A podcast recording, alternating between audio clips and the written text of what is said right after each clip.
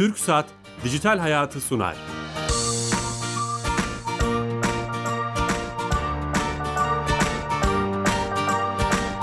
Herkese merhaba, ben Bilal Eren. Teknoloji, internet ve sosyal medyanın daha geniş anlamda dijitalleşmenin hayatımıza etkilerini konuştuğumuz Dijital Hayat programımıza hoş geldiniz. Her cuma 15.30'da TRT Radyo mikrofonlarında sizlere konuk oluyoruz. Bugün çok güzel bir konuyu, çok değerli bir konukla konuşacağız. Planlamadan sermaye kullanımına kadar girişimcilerin yaptığı hataları, hatta konuğumuzun tabiriyle mükemmel hataları konuşacağız. Deste Teknoloji Genel Müdürü Ömer Ekinci ile beraberiz. Ömer Ekinci hoş geldiniz. Hoş bulduk. Teşekkür ediyorum şeref verdiniz. Ee, sizin hem girişimcilik şapkanız var hem yazarlık şapkanız var. Birçok hep bu oradan süzülen bütün bir, bir sürü deneyimi konuşmuş olacağız hep beraber. Ee, ama öncesinde her hafta olduğu gibi TürkSat'a bağlanıyoruz. TürkSat, Türkiye Gov.tr'yi yapan, devletin tüm işlerini dijitale dönüştüren vize sunan kurumumuz. Sami Yenice direktör arkadaşımız telefon attığımızda. Alo. Bilal Bey yayınlar. Hoş geldiniz yayınımıza. Bulut sağ olun. Bu hafta hangi servisi hizmeti bize anlatacaksınız? Evet. Bu hafta ve geçen hafta açtığımız hizmetlerin isimlerini verelim. Tamam. Detaylarını önümüzdeki haftalarda dinleyicilerimizle paylaşırız. Ee, Emniyet Genel Müdürlüğü ile yaptığımız çalışmalar neticesinde tüzel kişiler için araç plakasına yazılan ceza sorgulama hizmeti evlet kapısından açıldı. Ee, Sağlık Bakanlığı sürücü raporu beyan başvurusu bu hafta e, açtığımız bir hizmetimiz. Sosyal Güvenlik Kurumu'nun bugün yeni iki yeni hizmeti açıldı. Bunlar 4 AŞ giriş ve çıkış bildirgesi bir de 4850 sayılı kanuna göre kısmi süreli çalışan sigortaların borçlandırılması hizmetleri. Ayrıca pek çok elektrik ve doğal gaz dağıtım şirketinin abonelik başvurusu, tesih başvurusu, fatura ve abonelik sorgulama hizmetleri de devlet kapısından sunulmaya başlanmıştır. Toplam entegre hizmet sayımız 4770'e ulaşmış durumda giderek artıyor. Mur yasasına benzetiyorum bu.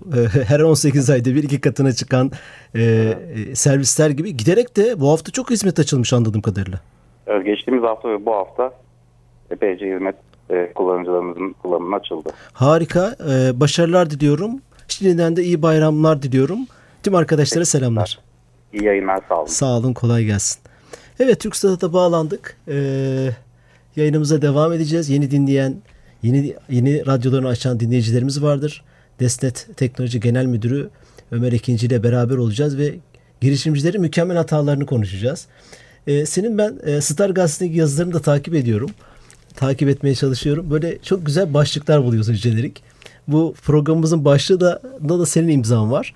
Ee, e, ne demek istiyorsun bu mükemmel hatalardan kastın ne? Öncelikle bütün dinleyenlerimize teşekkür ediyorum. Ee, hayırlı Ramazanlar, hayırlı bayramlar ve Kadir geceleri mübarek olsun diyorum. Güzel bir Ramazan ayını geride bıraktık. İnşallah bayramla beraber e, daha güzel günlere bir kapı açılır. E, ülkemiz için, bölgemiz için ve dünyamız için iyi şeyler daha çok olmaya başlar diye İnşallah. umut ediyorum. Girişimci ülkenin e, tabii ki bir ağırlığını kaldıran bir kaldıraç gibi. Çünkü e, eski dönemler geride kaldı. Devletin bütün yükü sırtına aldığı, kapıları temizlediği, sokakları temizlediği, insanları iş işe aldığı e, vesaire dönemler kapandı artık. Girişimci bunu e, bu yükü aldı sırtından devletin. Almaya da devam ediyor. İşte özelleştirme diyoruz buna bir kısmen. E, dolayısıyla girişimci gerçekten ülkenin e, kıymet vermesi gereken bir e, birey.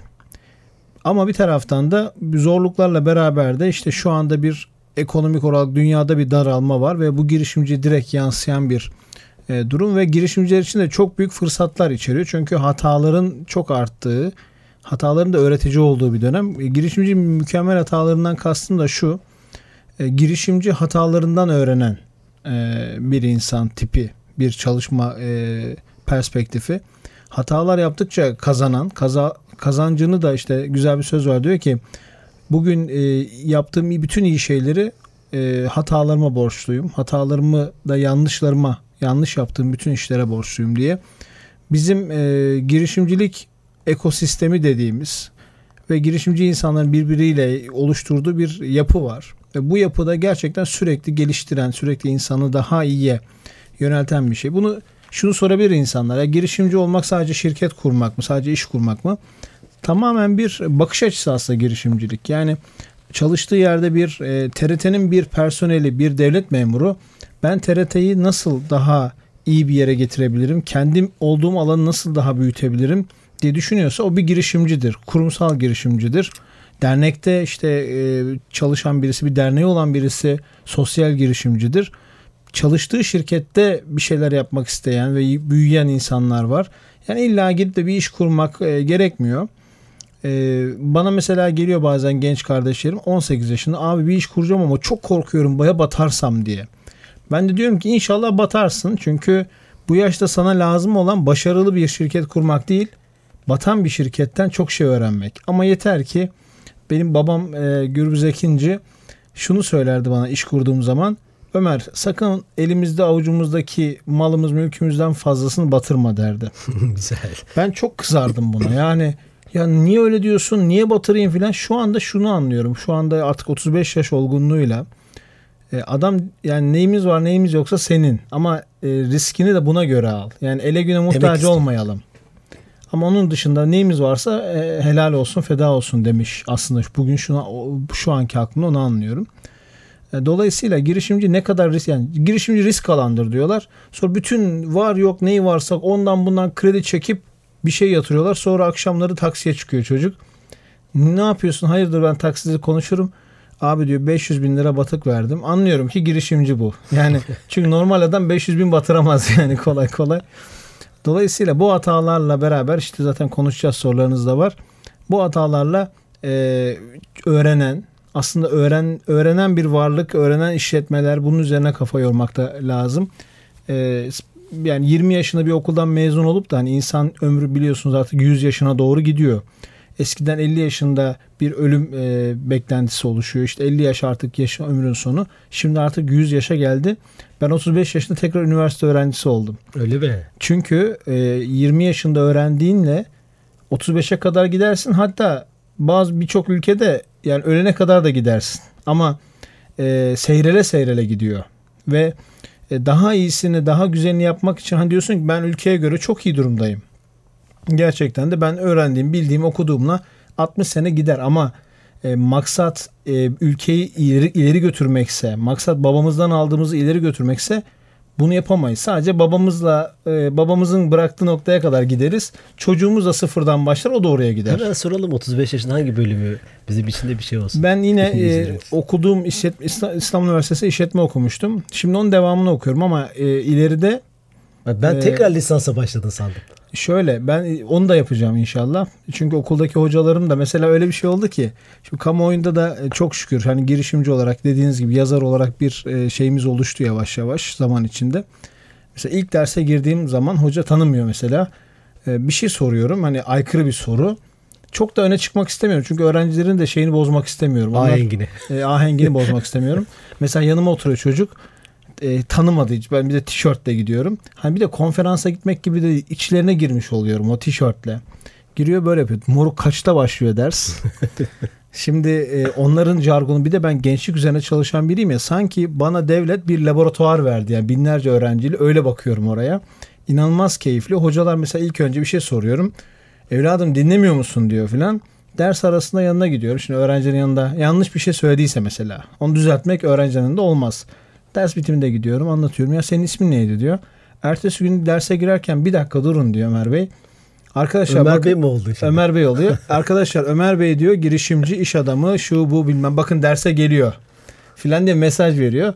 Çok ilginç. Hocaların birçoğuyla dost oldum. E, ders zaten onlar ben okuduğum 2002'de üniversiteye girdiğimde onlar asistandı. Şimdi profesör olmuşlar. E, derse giriyorlar. Herkese günaydın diyorlar. Benim yanıma kadar gelip elimi sıkıp öyle başlıyorlar derse. o da iş dünyasında olan saygı olsa gerek. Çok keyifli ve e, kesinlikle 15 yılda bir. Bunları yaşamak için mi tekrar üniversiteye başladın? E, yani şöyle e, artık 3 yaşında bir evlat sahibiyim. E, Allah, Allah hepimizin evlatlarını bağışlasın. Onunla beraber yeniden öğrenmek ve eşim mesela sağ olsun e, hem hamilelik döneminde hem sonrası çok fazla kitap okudu. Yerli yabancı birçok kaynak. Çünkü e, sevgili Bilal Eren bizim e, anne babalarımızın işte onlar 60'larda büyümüş bir jenerasyon. Bizler 80'lerde büyümüş bir jenerasyonuz. 80 model bir jenerasyonun burada kadim bilgilerine de çok saygı duyarak söylüyorum. 80 model bir jenerasyonun yetiştirdiği, özür 60'ların e, jenerasyonunun yetiştirdiği 80 model insanlar olarak 2020-2040'ların insanlarını yetiştiremeyiz. Burada bir öğreti değişikliğine ihtiyaç var. Çünkü artık yıllar kısaldı. Şimdi bir yıl bir yılda geçmiyor artık. 10 günde bir yıl geçiyor değişim hızı anlamında. Dolayısıyla bizim bu çocuklara e, onlara yetecek bilgiyi vermediğimiz için şu anda anne babaları ya sen bilmiyorsun bırak baba bu işleri diyen çocuklara başladık. Eskiden dede torun arasında kuşak farkı vardı. Şimdi artık abi kardeş arasında var. Dolayısıyla anne babalar çocuklarının olduğu yerlere gitmezlerse çocuğunun kullandığı uygulamaları kullanmazsa, onun jargonuna inmezse onunla iletişim kurma şansı yok. O yüzden ben de gençlerle ilgili çalışıyorum. Kitaplarım bunun üzerine, programlarım, televizyon, radyo. Ben şimdi onların içinde olmazsam onlarla koparım. Onlar beni dinlemezler. Anne babaları dinlemeye başlar. Doğru. Üniversitede olmak büyük bir şans o Çok anlamda. büyük bir şans ve çok da güzel gençlerle tanışıyorum. Pırıl pırıl çocuklarla tanışıyorum. Onların e, çok korkuları var. E, çok endişeleri var. O endişeleri de birçok yanlış kaynaktan beslenerek almışlar. Karşılarında bu ülkede yatırım yapan, istihdam sağlayan, kendileriyle konuşan, kendileriyle yan sırada oturan bir abilerini gördüğü zaman çok rahatladıklarını görüyorum. Oradan işe aldıklarım var. Orada beraber çalıştıklarım, işe yönlendirdiklerim var. Ee, o yüzden de tavsiye ediyorum. Yani bir şekilde kurs olur, bilmem ne olur. Ee, bir eğitim olur. internetten bir kurs olur. Biliyorsun birçok internet mecrası da şeyler var. Ee, öğrenmeyi sürdürmek lazım ki güncel kalabilelim. Diyorlar yaşam boyu öğretim. Eğitim. Evet kesinlikle. Öyle söylüyorlar. Şey aslında e, geçen bir arkadaşımla beraberdim. E, insan kaynakları işi yapıyor İngiltere'de. Orada insanlar başarısızlıklarını da CV'lerine yazıyormuş. Mesela çok etkilemişti bu beni. Biz de hani özgeçmişimizi hazırlarken o aldığımız ödüller, gittiğimiz sertifika e, kursları evet. onları yazarız. İşte yaptığımız güzel işleri yazmaya çalışırız. Gayet doğal ama orada başarısızlıklar da kaç şirket batırdın? İşte ka- kaç kişiyle işte alacak verecek ilişkin oldu. Bir sertifika programını bitiremedin ama girdim ama bitiremedim gibi onları da yazar. Onlar da çok kıymetli. Söylediğini ilk başta o hani başarısızlıktan korkma cümlesini buraya oturtmaya çalıştım. Belki de girişimcilerin en önemli şeyi bu değil mi? Korkmamak. Ee, hem korkmamak hem bir de girişimcinin patronu kendisi. Bunu iyi kullanması lazım. Yani e, küçük bir örnek olsun ama benim mesela YouTube'da en çok izlenen videomdur o. Yani bu insanların başarısızlığa verdiği önemi de e, merakı da gösteriyor. Ben kurdum çok da güzel batırdım diye bir video var YouTube'da. E, isteyenler oradan izleyebilirler. Bir e-ticaret sitesi kurdum. Saklışehir.com şu an kapalı olduğu için söyleyebiliyorum. e, reklamı olamaz yani. E, Saklışehir kurdum abi. Başladım çalışıyorum filan. Şimdi bir de o zaman bir e-ticaret şeyi başlamış. Treni var diyorlar. Kaçırma, kaçırma, kaçırma. Herkes bir yerde atlamaya çalışıyor. Şu an hepsi onların batık durumdalar. Tren ee, kaza yaptı. Meğerse yani o treni kuran kişinin gazına gelmişiz hepimiz. Türkiye'de ekosistemin önde gelenlerinden bir tanesi. O kaçırmayın kaçırmayın. Ne yapıyordu o sitede?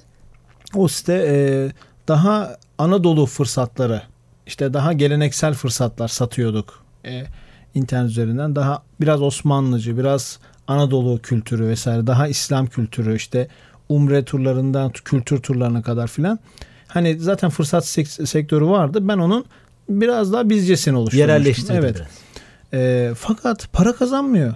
Bir de şeyi hissediyorum. Mesela diyelim Sultanahmet'te bir akşam yemeği keyfi. Şimdi müşteri onu sırt kaşıyacağı gibi kullanıp atıyor.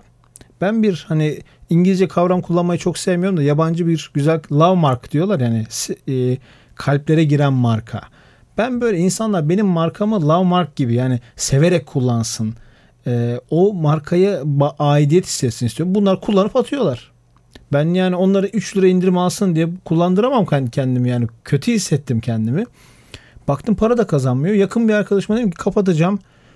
Ben 2009'da biliyorsun yılın girişimcisi genç girişim ödülü falan almıştım. Ömer sakın yapma dedi. Niye dedim? Kapattı derler dedi. Başarısız oldu. Bak senin şu an imajın çok iyi. Ne yapsan başardın şu ana kadar. Kapattı. Hakikaten doğru söylüyor dedim. Birkaç ay daha. Her ay zarar, her ay zarar. Bir daha söyledim kapattı. Aa, sakın kapatma kapat. Ya dedim en sonunda kardeşim ben kime karşı sorumluyum yani? Kendi paramı batırıyorum. Ne oluyor yani? Millet banka batırıyor milletin parasıyla. KGF kredilerini tonla alıp da yatır şey yapıyor, alıyor, götürüyor, kaçırıyor. Korkmuyor, utanmıyor da ben kendi paramı batırmaktan niye utanayım? Kapattım siteyi. Üzerine bir de yazı yazdım. Saklı şehir nasıl batırdım diye. Biraz da kanırtmak istedim yani. O o şey acı çünkü niye biliyor musun? Duygusal bir şey mi oldu? Metin ee, mi oldu? Şöyle yok duygusal değil. Gayet objektif ve e, suçu başkasına atan değil. Hani bizim ticaret kanunumuzda basiretli tüccar diye bir kavram vardır. Bu çok unutulmuş bir kavram. Ben şimdi üzerinde çalıştığım kitapta bir bölümün adı bu. Yani sen battıysan çalışanlarını asla mağdur edemezsin. Tedarikçilerini mağdur edemezsin. Evdeki eşini çocuğunu mağdur edemezsin. Basiretli Düşünmeliydin bunları değil mi? düşüneceksin. Her türlü plan düşüneceksin. Ve basiretli olmak ne demek? O bütün yükü sırtına alıp kimseye yük taşıtmamak demek. Şimdi adam kendi batıyor. Ne lüksünden fedakarlık ediyor, ne arabası değişiyor, ne evi değişiyor. Borçlar duruyor gibi. Borçları gariban üreticisi, tedarikçisi kendisine güvenen, itimat etmiş insan diyor ki vallahi kusura bakma devlet bana bu hakkı verdi. E devlet sana batır mı dedi. Devlet sana bu kadar insan işsiz kalmasın dedi. İnsan çalışanlarını işsiz bırakıyor. Tadilat şeylerini vermiyor, tazminatlarını vermiyor bilmem ne. Son model arabaya binmeye devam ediyor. Devam ediyor. Eskiden batmanın bir adabı, bir onuru vardı. Hani battı adam giderdi bir artı bir eve girerdi. Çalışırdı bir yerde. Saygı duyulurdu. Şimdi adam e, hiç öyle bir derdi yok. Battım ama işte şirket zaten muhatap bile olamıyorsunuz. Şirketine bir avukat koyuyorlar. Konkordato komiseri. O da sizi işte 6 ay 8 ay bir sene sallıyor filan. Dolayısıyla bu basiretli tüccar kavramının e, ihtiyacın ihtiya ona ihtiyacın çok arttığı bir dönemdeyiz. O zaman ben dedim bir, bir kişiye borçlu kalmadım. Bir tedarikçiye borçlu kalmadım. Kapattım. Sonra da oturdum. Hani basiretli tüccar dedik ya.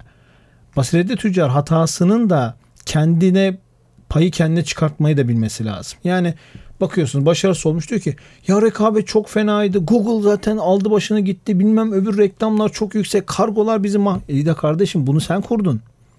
Alternatif bulmak zorunda olan sensin. Yolu açacak olan sensin. Dolayısıyla e, ben onu yazdım güzelce ve en çok okunan yazılarımdan bir tanesi oldu. O video da aynı şekilde işte 200 bine yakın izlendi. E, anladım ki insanlar samimi başarısızlıklara ihtiyacı var. Sebebi de şuydu onu yazmamın. Şimdi soruyorlar bu sefer. Nasıl gidiyor Saklışehir? Adamı da diyelim bilmem oyuncakçı.com diye sitesi var. Çok iyi diyorum. Senin nasıl? O da diyor benimki de çok iyi. İkisi de batık aslında. Ama itiraf edemiyorlar. Çünkü o batığı söylerse karşıdakinin gözüne aptal durumuna düşecek. Ben söylüyorum karşıdaki bu sefer ağlamaya bak. Abi bizimki de batık aslında ya. tamam yol açmış oluyorsun. Valla diye yani e, kri- bugünlerde de işte ülkede ve dünyada bir kriz var ve benzer şeyler bugünler için de geçerli. Şunu mu anlamalıyız bu söylediklerinden? Çok iyi bir planlama yapmak. Planlayarak işe girmek. Mesela birinci plansız işe girmek en büyük hatalardan Bir biri kere mi? riski e, riski boyutunu çok iyi ölçmek lazım. Yani mesela cebiniz 10 lira varsa bunun 3 lirasını riske edin. 3 lirası sıfırdan başlamak için 3 lira da onu da batırırsan hayatta kalabilmek için. E, Nasuh Maruki'nin güzel bir sözü var. Diyor ki Everest'e tırmanmak enerjin Everest'e tırmanıp da bitir yani tepeye kadar enerjini bitirirsen dönüşte kimseye anlatamazsın çünkü ölürsün yolda. Yani gidecek ve dönecek kadar enerjin olması lazım. Az önce dediğim gibi kimseyi mağdur etmeyecek şekilde özellikle şimdi artık evli bir girişimciyim. Bekarken mesela sonuna kadar riske girsinler. Yurt dışına gitsinler yani sürünsünler, burunları sürtsün. Ee, bir teorim var benim. Bu illaki birçok kişi de söylüyordur da ya 30'a kadar sürünürsün ya 30'dan sonra ömür boyu sürünürsün. 30'a kadar çocuğuna kıyamayan anneler bilsinler ki çocukları onlar öldükten sonra sürünecekler hayat boyu. 30'a kadar mesela ben limit koymuştum. O girişimleri denerken işte Quizimi'yi kurdum battı bilmem Saklışehir battı bilmem ne. Ee, 30 demiştim ki kendime ben 30'a kadar deneyeceğim. Sonuna kadar deneyeceğim. Ve denedim de çok şükür. 29'da ben e, aradığım işi ne yapmak istediğimi buldum. İşte e, Desnet olarak e, o işe fokuslandım. Mesela bir de- detay daha söyleyeyim. Desnet e, Desnet'te çalışırken Saklışehir'i falan kurdum. Sonra batınca gittim Desnet'teki bütün çalışanları topladım ve hepsinden helallik aldım. Özür diledim. Dedim ki ben sizden kazandığım parayı buraya harcadım. E, hakkınızı helal edin. Çünkü diyecekler ki mesela dinleyenler kardeşim adamlar maaşını almadı mı? Maaşını aldı ama ben o parayı o işe yatırsaydım onlar daha iyi şartlarda çalışacaktı. Daha güzel işler yapacaktı. işler büyüyecekti.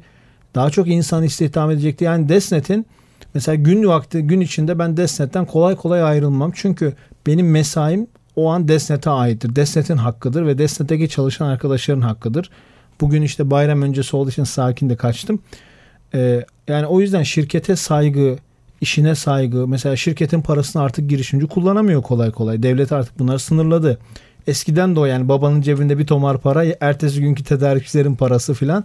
O dönemler kapandı artık. Girişimci şirketine saygı duymak zorunda. Çalışanda. Belki aslında Çalışanlar- maddelerden biri de bu değil mi? Kesinlikle şu anda çok şükür gencecik pırıl pırıl bir ekiple çalışıyorum ve bunu da söylemekten gurur duyuyorum. 3 arkadaşımız 4 oldu bu hafta itibariyle.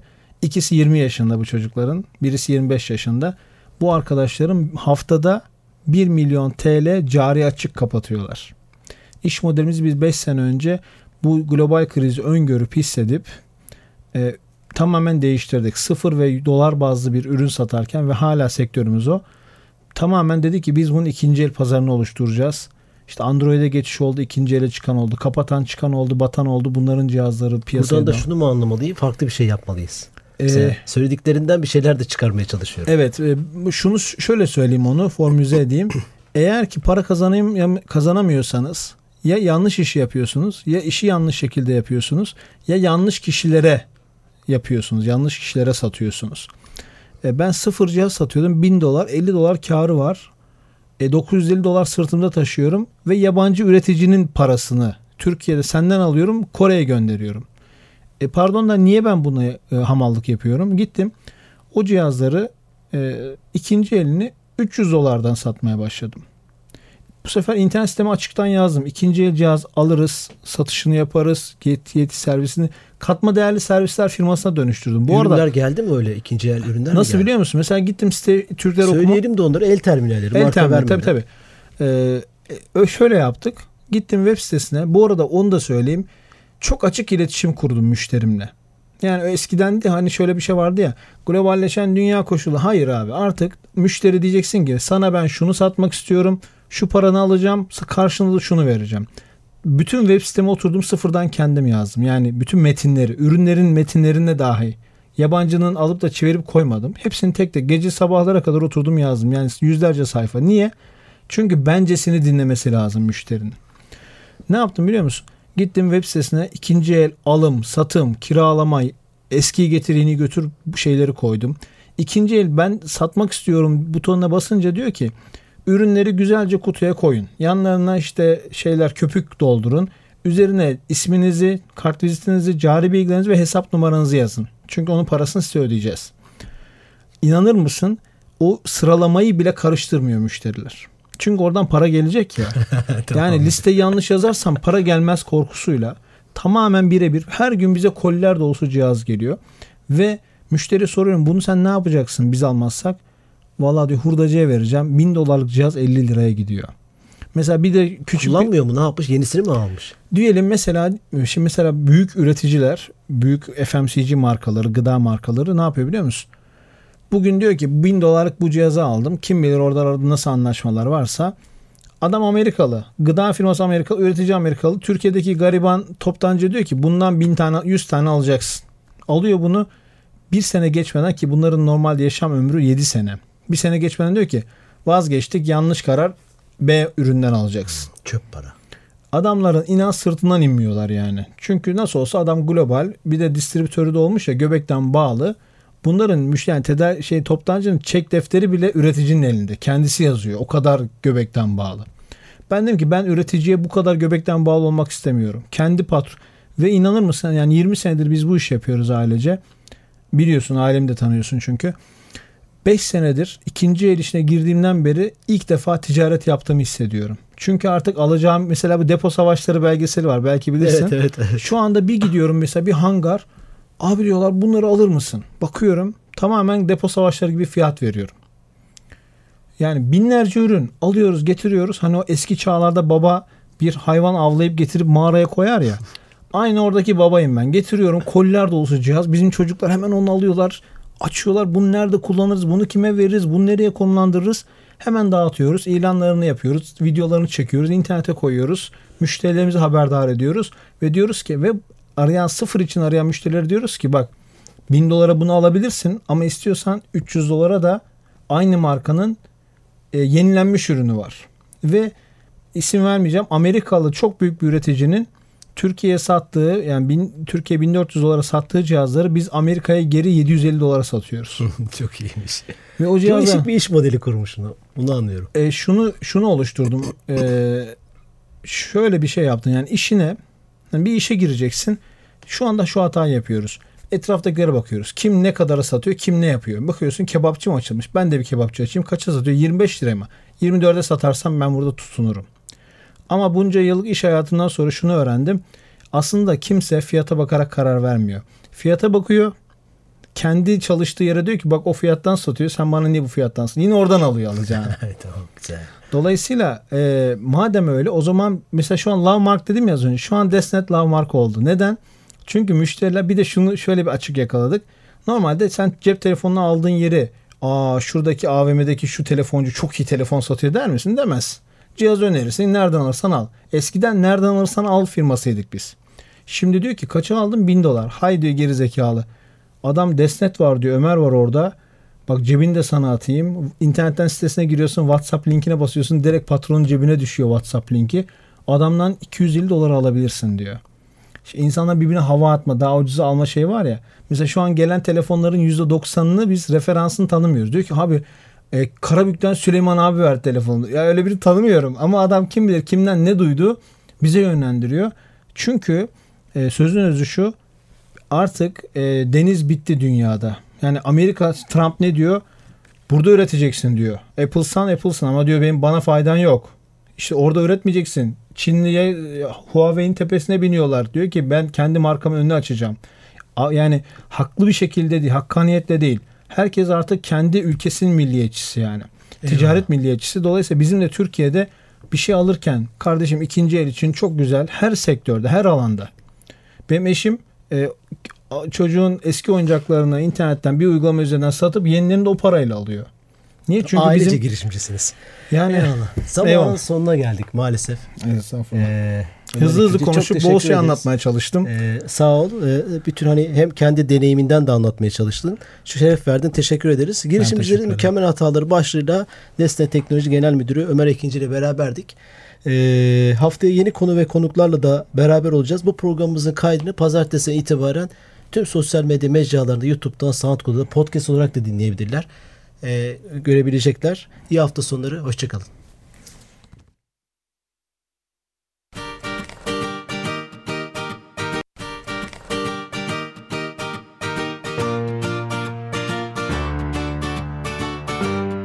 TürkSat Dijital Hayatı sondu.